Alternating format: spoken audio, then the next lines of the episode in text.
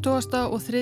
janúar 1913 reðst hópur manna inn í heið háa hlið eins og helstu stjórnarbyggingar Tyrkneska ottomanveldi sinns í Istanbul kölluðust. Með 31 ás herfóringja Ísmæl Enver í broti fylkingar réðust mennir inn á skrifstofu Stór Vesírsins eða forsætisráþerrans þar sem ríkistjórnarfundur var í gangi. Þeir skutu hermálaráþeran til bana og þvinguðu Vesírinn með vopnavaldi til að skrifa afsagnarbref til soldánsins. Nú voru það þeir sem réðu. Ísmail Enver sem síðar tók sér heiðurstitilinn Pasja varð hermálar á þeirra og nánustu samstagsmenn hans tveir Mehmet Talat og Ahmed Djemal stórvesir og sjóhermálar á þeirra. Saman voru þeir þekktir sem Pasjarnir þrýr. Þeir voru herskáir og þjóðirni sinnaðir, töldu aukna tyrkja væðingu þessa fjölþjóðlega stórveldis eina ráðið til að bjerga því frá hnignun. Þó Talat Pasja bæri titilinn Stórvesir var það Enver Pasja hermálaráþeran og sá yngsti þremenningana sem var atkvæðamestur þeirra og fór með mest völd. Hann dáðist að hernaðarmenningu þjóðverja og fór að byggja upp ottomanska herin að þýskri fyrirmynd. Annað örlaðaríkt skot hvað við 28. júni 1914 í Sarajevo þegar ungur Serbi myrti austuríska ríkisarfan Frans Ferdinand í gang fór atbörðar á sem varðað fyrri heimstyrjöld. Og þá var Enver Pasja óður og uppvægur í að láta hersinn berjast við hlið miðuveldana, Þískalands og Austuríki Ungverjarlands. Þann 11. november lísti því Mehmet V. Tyrkjasoldán Hann var í raun valdalust verkfæri Envers og hinna Passjana yfir stríði á hendur Breitlandi, Fraklandi og Rúslandi.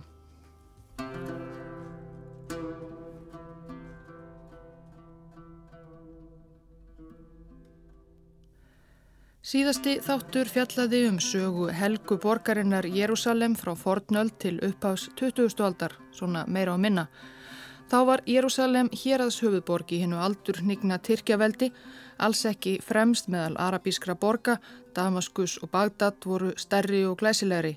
Jérúsalem tórði aðalega á fornri fræð og ferðamönnum. Þrátt fyrir þetta var ákveðið í upphafi styrjaldarinnar að í Jérúsalem erðu bækistöðvar yfir hersauðingja fjórða hers ottoman Tyrkja sem jáframt varð einráður yfir öllu tyrkneska stór Sýrlandi og það var þriðji Passjan Ahmed Djemal sjóhermálar á þeirra.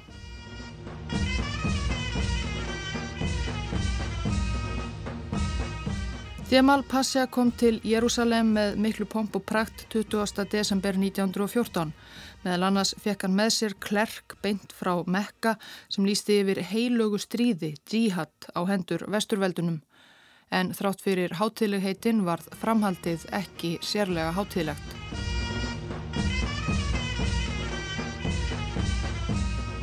Djemal Pasja var 42 ára þegar hann kom til Jérúsalem, elstur Pasjana þryggja.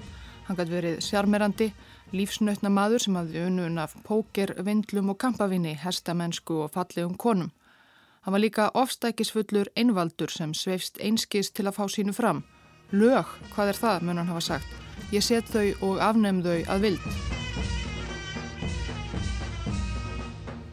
Passjarnir þrýr spruttu upp úr hreyfingu ung Tyrkja sem börðust fyrir umbótum á stöðnuðu stjórnkerfi Ottoman veldisins og voru sömulegðist þjóðverðnisinnar vildu Tyrknesku væða veldið á kostnað annara þjóða. Það voru passjarnir þrýr sér í lagi enver leðtóið þeirra sem báru höfuð ábyrð á þjóðarmorðunum á armenum, assiringum og gríkjum innan Tyrkjaveldis sem var einmitt hrind af staðum svipa leiti og Djamal Pasja var að koma sér fyrir í Jérúsalem. En í öðrum þjóðum Tyrkjaveldis blundaði líka þjóðarniskent og fór að brjótast fram á þessum tíma. Arabar voru 40% af íbúafjölda Tyrkjaveldis og auðvitað voru Arabar sem vildu losna undan stjórn soldánsins. Myndið voru félög arabískra þjóðarnisina leinilega því slíkar hugmyndir voru ekki vel liðnar af tyrkneskum yfirvöldum. Djemal Pasha gerði það eitt af sínum fyrstu verkum að handtaka eða vísa burt hverjum arabískum Jérúsalem búa sem grunnar var um að ala í brjósti sér þjóðerniskendi eða einhvers konar sviksemi svo sem njóstnir fyrir óvinnana breyta og frakka. Ekki löngu síðar var hann farin að láta taka grunaða strax af lífi, hengja þá við borgarmórarna fyrir allra augum. Oft liðu dagar þar til hinnir hengdu voru teknir niður svo að borgin fylltist af líkum.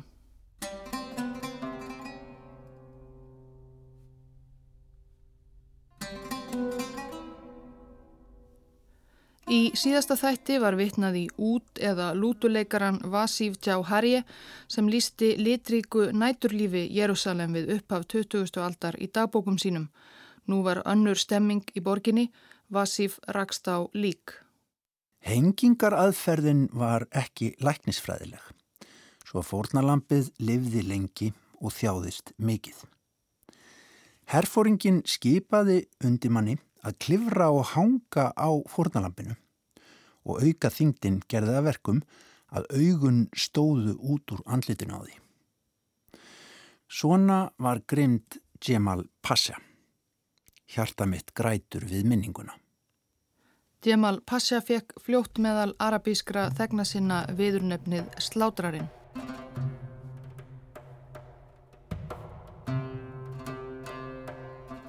Í síðasta þætti kynntumst við líka ungum manni sem fættist í pólsku þorpi 1886 en flutti á táningsaldri til landsins helga innblásinn af hugmyndum Theodors Hersldum sjálfstætt ríki gýðinga David Grun sem tók sér hebreskara nafnið David Ben Gurion.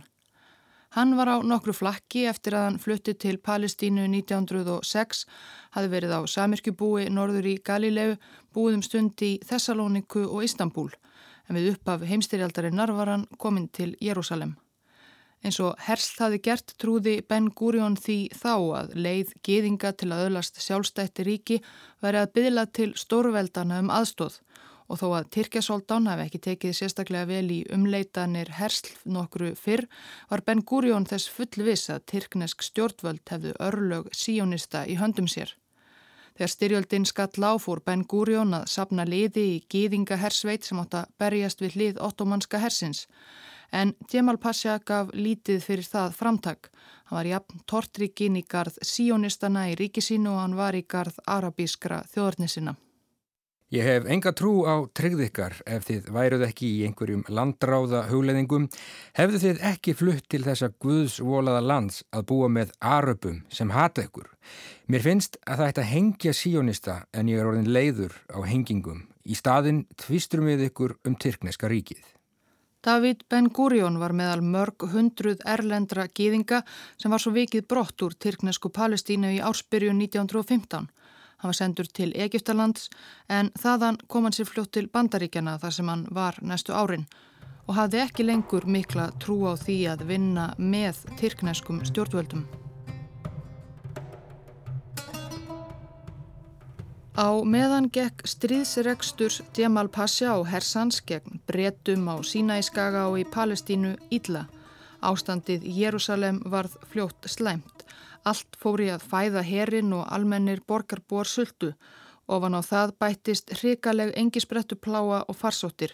Konur leitust í vændi og mæður seldu börn sín. Lútuleikarin Vasíf lísti fátækustu hverfum borgarinnar. Gamlir menn og konur. Þrútin af hungri. Á andlitum þeirra um allan líkamann var skítur og slepja, sjúkdómar og sár. Vasíf hafði reyndar nóg að gera því þrátt fyrir ömurlega neyð gáfust brottborgarar Jérúsalem ekki upp á að djamma og djúsa við undirleik hans. Stríðsárin voru að hans mati einn stöðug vilt veysla. Ég fór bara heim til að skipta um född. Svaf í nýju húsi hverja nótt, algjörlega úrvinda eftir drikju og gleðskap. Á mótnana fór ég í piknik með fínustu fjölskyldum Jérúsalem og síðar í svall veistlu með bóum og glæbunum í húsasundi. Djemal Pasha, lífsnautna maðurinn, tók virkan þátt í gleðskapnum en hann hafði samt ástæðu til að óttast landráðamenn og njósnara. Jérúsalem var sóðalegur smábær. Kristnir og múslimar komu í pílagrimsferðir á helgistaði fortíðarnar og gýðingar leituðu þar að pólitískri framtíð þjóðasinnar. Þessi saminuðu öll fortíðar og framtíðar voru svo sterk að borgin hafði svo að segja enga nútíð. Bæjarbúar voru, með örfáum undantekningum, jafn sviplausir og hótelstarfsfólk sem að lifði á ferðamannaströmmnum. Sá sem hér mælti og var svona lítið hrifin af Jérúsalem var breskur hermaður að nafni Thomas Edward Lawrence, þekktur sem Arabíu Lawrence. Hann var áhuga maður um Östurlönd og kom þángað fyrst sem ungur háskólanemi meðal annars til Jérúsalem. En 1916 var hann sendur austur á Arabíuskaga til að aðstóða arabíska uppreysnarmenn undir stjórn Husseins undir konungs Tyrkja í Mekka sem ætluðu að rýsa upp gegn Tyrkjum. Sagan af arabísku uppreysninni er þekkt úr kvikmyndinni um Arabíu Lárens. Bretar lofiðu þeim öllu fáru gegn aðstóðið að kveða niður Tyrkja draugin þó aðalega að í arabískum lendum Tyrkjasvaldáns myndi rýsa með breskum stuðningi sjálfstætt saminað arabíst konungsríki. Um svipað leiti undir lok 1915 og í ársbyrjun 1916 voru tveir menn að rína í kort. Mark Sykes, aðalbúrin breskur þingmaður og François Georges Picot, franskur diplomati. Þeim hafði af ríkum sínum verið falið það verkefni að ákveða hvernig framtíðar fyrirkomulag miða Östurlanda yrði eftir nær áræðanlegan ósegur Tyrkjaveldis. Á kortinu sem Sykes og Picot komu sér saman um og var kent við þá voru undurstöðunar lagðarað mörgum landamæra línum dagsins í dag á þessu svæði. Þeir gáfu ekki mikið fyrir hugmyndir um sjálfstætt arabíst ríki. Þetta var allt þeirra. Frakkar áttu að fá það sem nú er Sýrland og Líbanon en breytar Írak og hluta Palestínu. Rússar voru líka hluti af myndinni og stuttu samkómulæð þeir áttu að fá hluta Tyrklands. En hvað með Jérúsalem? Eins og áður gerntust eiginlega allir borgina helgu. Ákveðu var að Jérúsalem erði eins konar alþjóðaborg undir sameinleiri stjórn frakka, breyta og rússa. Undir þetta var skrifað.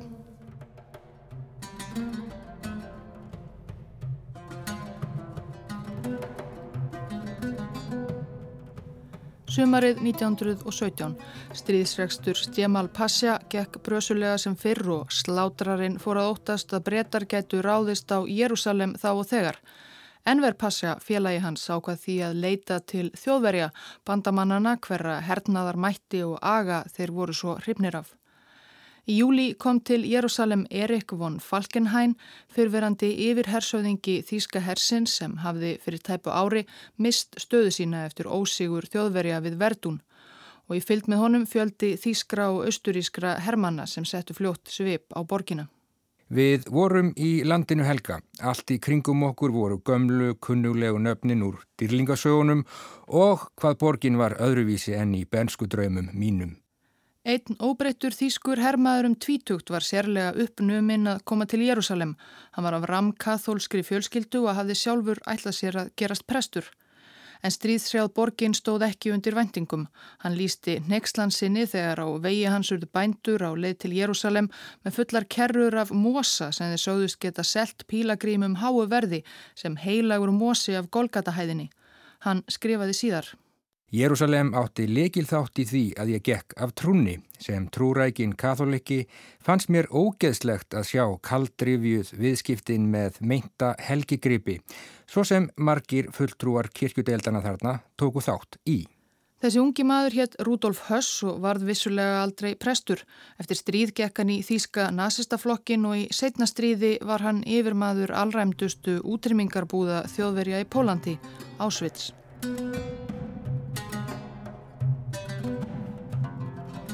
Þegar leið á höst og vetur 1917 voru varnir Tyrkja í Palestínu að niðurlótum komnar. Breski herin undir stjórn hersauðingjans Edmund Allenby mjakaðist öruglega áfram. Stjórnvöldi Lundunum fyldust spennt með framgangi Allenbys og kvöttuðan til dáða. David Lloyd George, fórsættisráþara, lagði áherslu á það að ná Jérúsalem fyrir jól. Borgin Helga er þið príðileg jólagjöf til bresku þjóðarinnar. Andrumsloftið í borginni sjálfri var ömurlegt og borgarbúar flúðu í stríðum ströymum.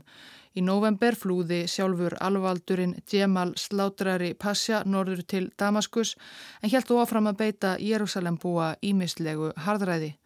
Grunaðir njósnarar og landráðamennu voru teknir af lífi sem aldrei fyrr og Djemal létt líka reka kristna klerka úr borginni og sprengja nokkrar kristnar kirkjur og byggingar.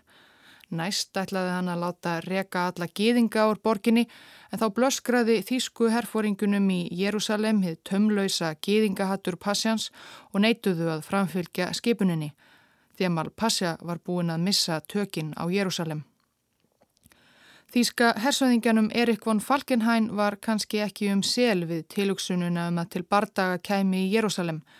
Erði hans kannski minnst ekki aðeins fyrir það að hafa klúðrað orustinni við verdun, heldur líka fyrir að hafa eigðilagt sjálfa borgina helgu. Þann 7. desember 1917 komu Jérúsalem búar í fyrsta sinn auga og breskar hersveitir við sjóndeldarhingin. Strax þá um nóttina hörfuðu tyrkneskar hersveitir úr borginni. Falkenhæn hersöðingi var svo ekki lengi að ákveða sig og næstu nótt komu þýskir hermenn fast á hæla Tyrkjana. Þegar dagaði 9. desember voru breytatnir komnir að borgarmúrunum og borgin var varnarlaus.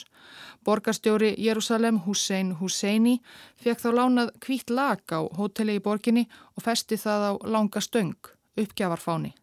Í helli ríkningu fór hann til móts við breytana, reyndar neituðu fyrstu sex bresku hermennir sem urðu á vegi hans að taka við uppgjöfinni, töldu sig of látt setta. Loks eftir nokkuð stapp hafði borgarstjórin upp á mæjór nokkrum sem tók við uppgjöf borgarinnar.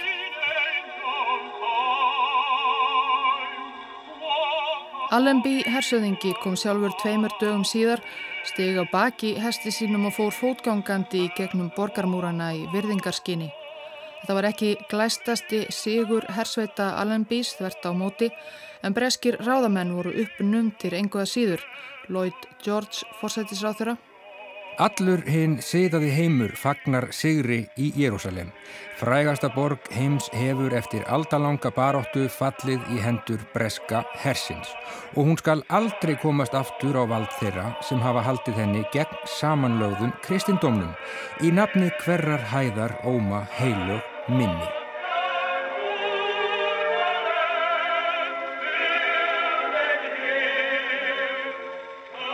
En spurningin var enn hvað átti að gera við borgina. Í matarbóði fyrir menna eftir Sigurinn var meðal gesta franski diplomatin Pico sem hafi gert samkúmulæð við hinn breska Sykes um að Jérúsalem erði brest, franst, rúsnest yfiráðasvæði. Hann spurði Allenby vongóður hvort meiningin væri ekki ennað frakkar deltu borginni með bretum. Hann gæti farið í það strax á morgun að skipa borgarlega stjórn. Annar bóðskestur, Arabíu Lárens, lísti viðbröðum Allenbys. Þögn. Salat, majóniskjúklingur og fogra samlókur hengu í munvikum okkar, ótöðar á meðan við snýrum okkur að Allenby, gapandi. Hann var rauður í framann, kingdi, ítti fram hökunni og saði af hörgu. Eina yfirvaldið hér er hersöðingjans, mitt. Enda kom á daginn að bretum hugnaðist ekki að standa við alla samninga sem gerður höfðu verið í stríðinu, korki ákvæðið um Jérúsalem í Sykes-Píkó samkominlæginu, nýja lovorðin til arabísku uppreysnamannana sem höfðu þó vissulega unnið nokkra sigra á Tyrkjum um þeirra eigið sjálfstæða ríki. Og enn eitt atriði flækti málinn.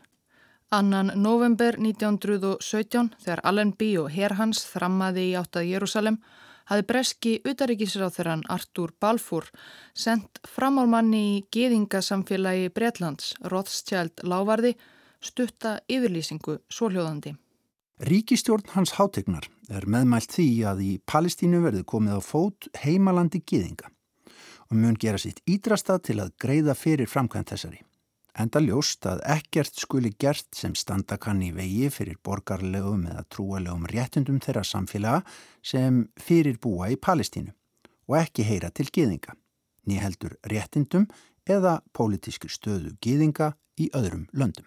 Með þessari yfirlýsingu hafðu bresk stjórnvöld allt í einu tekið eindregna afstöðu með málstað síonista um sjálfstætt ríki geðinga í landinu helga eða þannig hljómaði það, þó reyndar sér enn í dag deilt um nákvæmlega hvað eigi að lesa í þessi fáu orð og hvers vegna Balfúr tók þetta skref. Ráþeirann hafði meðal annars komist í kynni við nokkra leðtoga síjónista í Breitlandi, Rothschild og svo Chaim Weissmann, efnafræðing við háskólan í Manchester sem talaði máli síjónista ákaft í herri kreðsum Bresks samfélags. Talið er að brettar hafi með þessu vilja tryggja sér stuðning geðinga í stríðsrekstrinum og kannski reyna að telja rúsneska geðinga af bolsivismannum sem þeir voru margir ornir hallir undir. Það var þetta enn einn leiðin til að reyna að tryggja brettum sess í landinu helga hvernig sem færi í stríðslokk. Fyrri heimstyrjöldinni lauk í november 1918 og í janúar árið eftir hittust leðtógar Sigursætla bandamanna í stríðinu í Versölum til að ræða málinn meðal annars hvað skildi gera við landsvæði hins sigraða Tyrkjaveldis. Það voru floknar viðræður og margir sem gerðu kröfur. Faisal Emir, sonur Husseins Mekkakonungs úr arabísku uppreysninni, mætti með Arabíulárens sér til halds og trösts en lítið var hlustað á kröfur þeirra um sjálfstætt Araparíki. Leðtóar síonista mættu einnig með balfúr yfirlýsinguna í farteskinu en þeim var heldur ekki að ósksinni. Brettar voru treyir til að sleppa takinu og að lokum varð úr að Palestína var gerðað sérstöku bresku verndarríki mandate eins og það var kallað á ensku, bresku, ekki alþjóðlegu, ekki arabísku eða frönsku eða gýðinglegu, bara bresku. Margir evróskir gýðingar trúðu engu að síður á að brettar myndu uppfylla lofvort balfúr yfirlýsingarinnar og fóru að streyma til landsins helga sem aldrei fyrir í stríðslokk. Meðal þeirra sem komu sér fyrir í Jérúsalem var efnafræðingurinn Chaim Weissmann sem varð fyrir áfalli. Jérúsalem var ítla farin eftir stríðið. Allt hefur verið gert til að vanhelga og sörga hitt heilaga. Það er ómögulegt að ímynda sér svo mikið guðlast og blekkingar. Ekki síst voru það kynnsjúkdómar sem hrjáðu borgarbúa eftir hömlulust svall stríðsárana. Eitt af fyrstu verkum breskra ráðamanna í borginni var að handtaka gleðikonur og loka væntishúsum í vonum að koma í vekk fyrir að breskir hermenn yrðu faraldrinum að bráð. Og með sífælt fleiri geðingum magnaðist svo spennan í borginni. Þeir eruðu fljótt fyrirferða miklir og með stór áform. Væsmann og félagar lóðu Hornstein að hebreuskum háskóla og svo framvegis. Þann 8. april 1920 söpnuðust 2000 arabískra muslima saman í Gömluborginni til að halda upp á trúarháttíð. Háttíðahöldin snérust fljótt upp í mótmæli gegn yfirgangi gýðinga og breyta í borginni. Það sögðu upp úr, menn gripu til vopna og gengu bersesgang um hverfi gýðinga. Á styrjaldarárunum höfðu evróskir gýðingar stopnað sjálfbóða herdeild sem barðist með breska hernum í Egiptarlandi og Palestínu. Forsprakki deildarinnar var rúsneskur gýðingur C.F. Jabotinski. Hann hafði áður leitt sjálfsvarnarsveitir gýðinga heima í Ódessu. Annar liðsmaður herdeildarinnar var David Ben Gurion sem snýri aftur til landsins helga eftir nokkur ára útlegð í bandaríkunum. Jabotinski var og kominn til Jérúsalem þar sem hann hafi sett á stopn svipaða sjálfsvarnarsveit sem varði sig gegn arabísku óerðasekkjunum af krafti. Götubardagar geysuðu í þrjá daga, minnstakosti 11 fjallu í valin, 5 gýðingar og 4 arabar og mörg hundruð særðust. Fríðurinn í Jérúsalem var strax úti.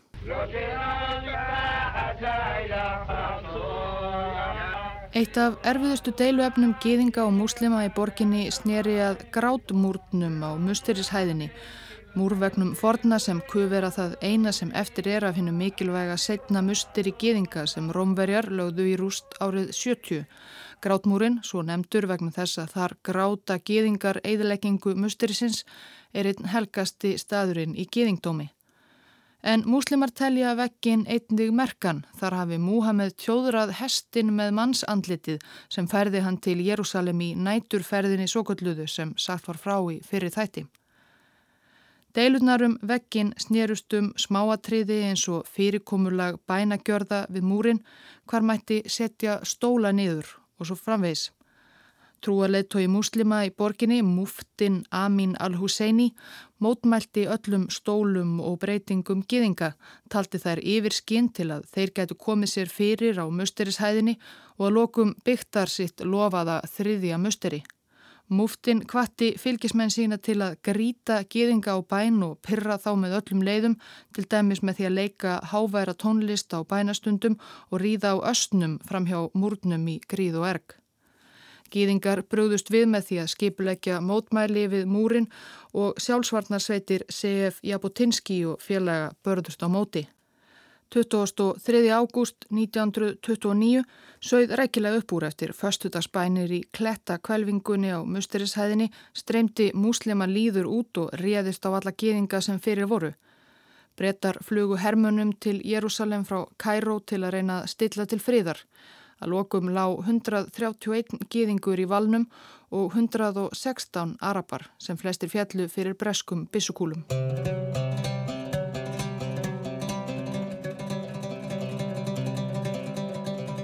Blóðbæðið kom breskum ráðamönnum í opna sköldu. Þeir eruðu hikandi, óvissir um hvað væri hægt að gera við þessa púðurtunnu þarna fyrir botni miðjararhafs. Kanski væri ekkert viti í því að leifa gýðingunum að koma sér þarna fyrir. Deilur komu einnig upp innan síónistarhefingarinnar milli hófsemismanna eins og Chaim Weissmann sem vildi enn starfa með bretum að stopnun Gýðingaríkis og harðlínum manna eins og C.F. Jabotinsky sem vildi knýja fram nýtt ríki með valdi. Befass England in jör 1917 Að lokum varð hvorur þeirra ofan á. Væsmann gramdist svo mjög deilurnar innan síjónistarhefingarinnar að nákvæða snúa sér aftur að efnafræðinni í byli og 1930 var Jabotinsky gerður útlægur úr bresku Palestínu fyrir ofstækisfullar skoðanir sínar. En það var þó ekki til að slökka þær. Jabotinsky átti sér marga skoðanabræður meðal geðingarna í Palestínu og 1931 stopnuðu þeir ný herská samtök, Irgun, sem höfðu það markmið að frelsa með valdi landið helga úr greipum bretta og araba.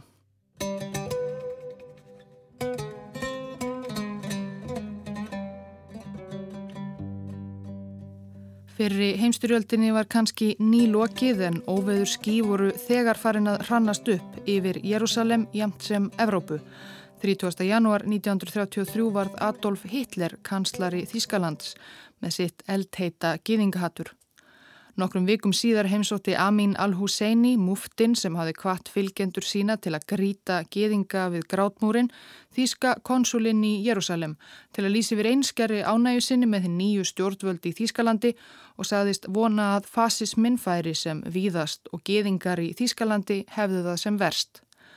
Og evróskir geðingar skiljanlega óttasleiknir streymdu til Palestínu sem aldrei fyrir árið 1933 37.000, árið eftir 45.000. Árið 1936 voru geðingar í Jérúsalem orðnir 100.000 en arabar, kristnir og muslimar bara 60.000.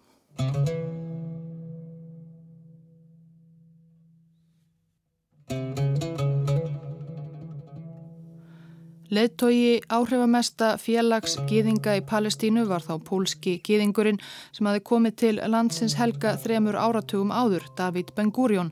Hann var áhrifamikill leðtogi sem lifiði fyrir málstæðin, kallaður gamli maðurinn þó hann væri þarna bara um 50. Hann var ekki eins breyta kær og væsmann og ekki eins herskár og jabotinski, Hann var sósialisti að upplægi og lengi vel trúði hann því að gýðingleg og arabísk alþýða geti lifað í sátt og samlindi í sama landi og stjórna því saman. Hann átti meira að segja fundi með ráðgjöfum múftans til að veðra slíkar hugmyndir en þarna var það þó líklega þegar um seinan.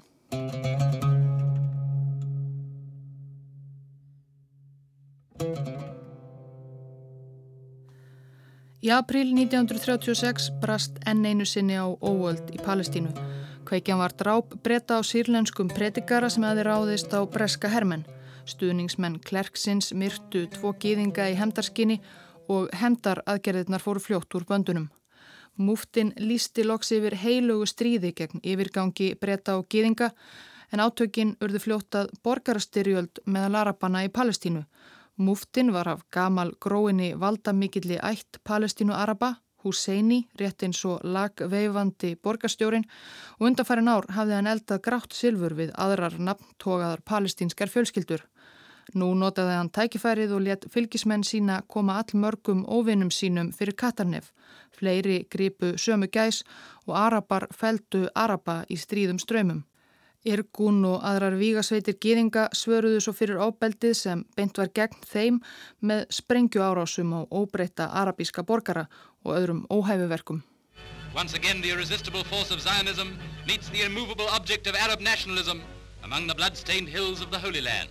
Arson, murder and wanton destruction were making the Holy Land a land of terror. Brettar gáttu varla rönd við reist og tilraunir til að semja á þennan eða hinvegin gengu ekkert.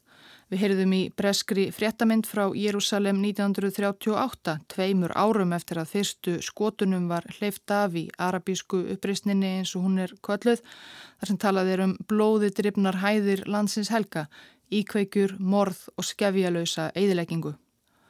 Að lokum sendu brettar aukið herlið til Palestínu til að reyna hveða niður ábeldi svallið.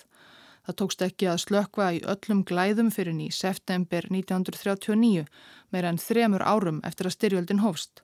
Þá lágum 300 geðingar í valnum og þriðja hundrað breyta.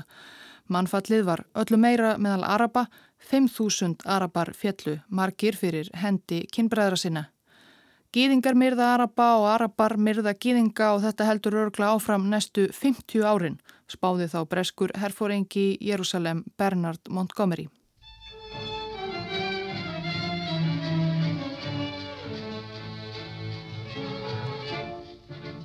Montgomery hafði þó fljóttum annað að hugsa því í september 1939 þegar fríður komst á í Palestínu braust út stríð í Evrópu. Frækt er að múftin í Jérúsalem flúði land og fór á flakk, fór meðal annars til Evrópu þar sem hann hitti Adolf Hitler og byðlaði til hans um stuðning við sjálfstætt Arabíst ríki.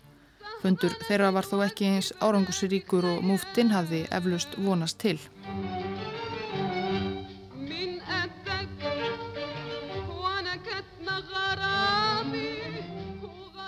En í Jérúsalem voru stríðsárin förður óleg. Þar blómstræði skemmtarnalífið eins og alltaf þegar eitthvað bjátaði á og til Jérúsalem streymdu erlendir gestir.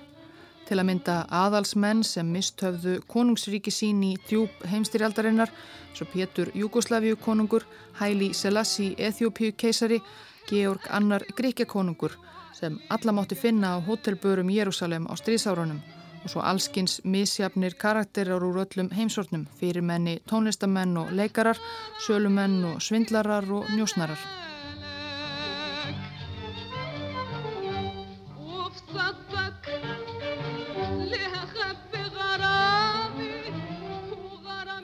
En það var í stríðslokk sem hittnaði í kolunum Bresk stjórnvöld voru að missa trúna á því að hægt var að setja á fót gýðingaríki fyrir botni miðjararhafs á friðsamlegan hátt eftir borgarastyrjöld Palestínu Arabana og 1939 voru hömlur settar á fólksflutninga gýðinga til landsins helga.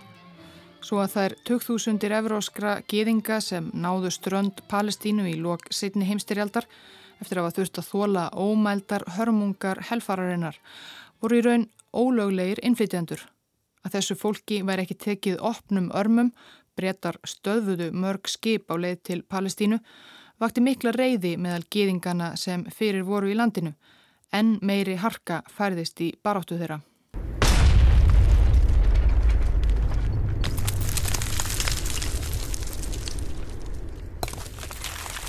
22. júli 1946 sprengtu Irgun Vígasamtökin uppluga sprengju í kjallara fínasta hótelsins í Jérúsalem þar sem dansinn hafi dunað skömmu áður og jáfnframt hýsti þá breska ráðamenn í borginni, 91 fórst og um 50 slösuðust. Leðtogi Irgun á þessum tíma var Menachem Begin en rótækari en Jabotinski en hann átti þó síðar eftir að verða fórsættisráð þeirra Ísraelsríkis. Eftir sprengju ára sinna varð andrumsloftið í borginni umsveifalaust óta og spennuþrungið, erlendir borgarar flúðu og geðingar og arabar hættu að mestu að blanda geði saman.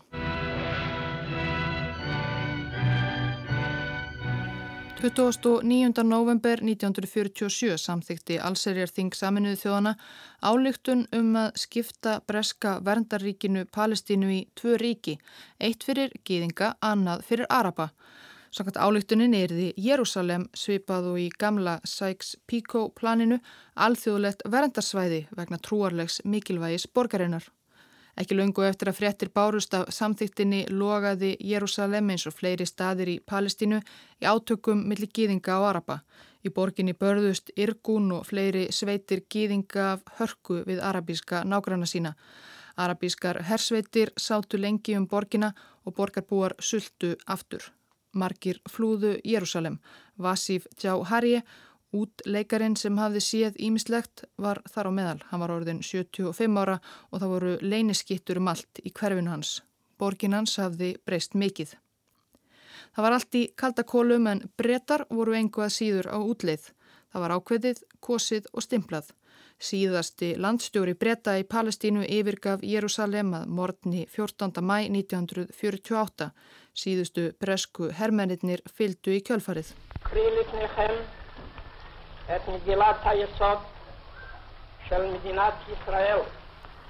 Síðdeis sama dag var ræðu Davids Ben Gurion útvarpað í Tel Aviv þar sem hann lísti formlega yfir stopnun sjálfstæða ríkisins Ísrael. Hann varð fórsættisráð þeirra, gamli efnafræðingurinn þá komin til bandaríkjana Chaim Weismann varð fyrsti fórsættin. Sjálfstæðis yfirlýsingunni fyldi nær umsöfalaust árás á nýstofnað ríkið, sameinaðir herir Araparíkjana í kring. Jórdanski herin reðst á Jérúsalem og náði eftir blóðu að bardaga helmingi borgarinnar á sitt vald, þar sem nú er austur Jérúsalem. Ísrael hjælt vestur hlutanum einungis. Þó svo að Ísrael yrði svo sigurselt í stríðinu var þetta nokkuð erfiður biti að kingja. Það var eindregin vilji ráðamanna í hennu nýstopnaða Ísraelsríki að gera Jérúsalem að höfðborg, trátt fyrir að hann væri kannski dálítið rikug og gýðingana eigin Tel Aviv talsvert líflegri. Og gamla borgin, allir helgustu helgistæðarnir, eru í austurlutanum sem voru nú á valdi ofinnarins.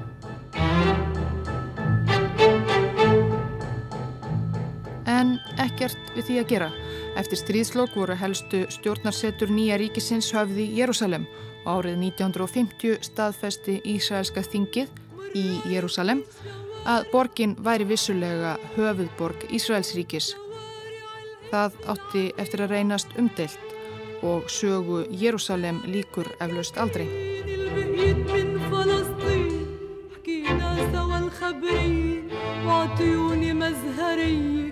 قالوا لي هيدي هدية من الناس الناطرين.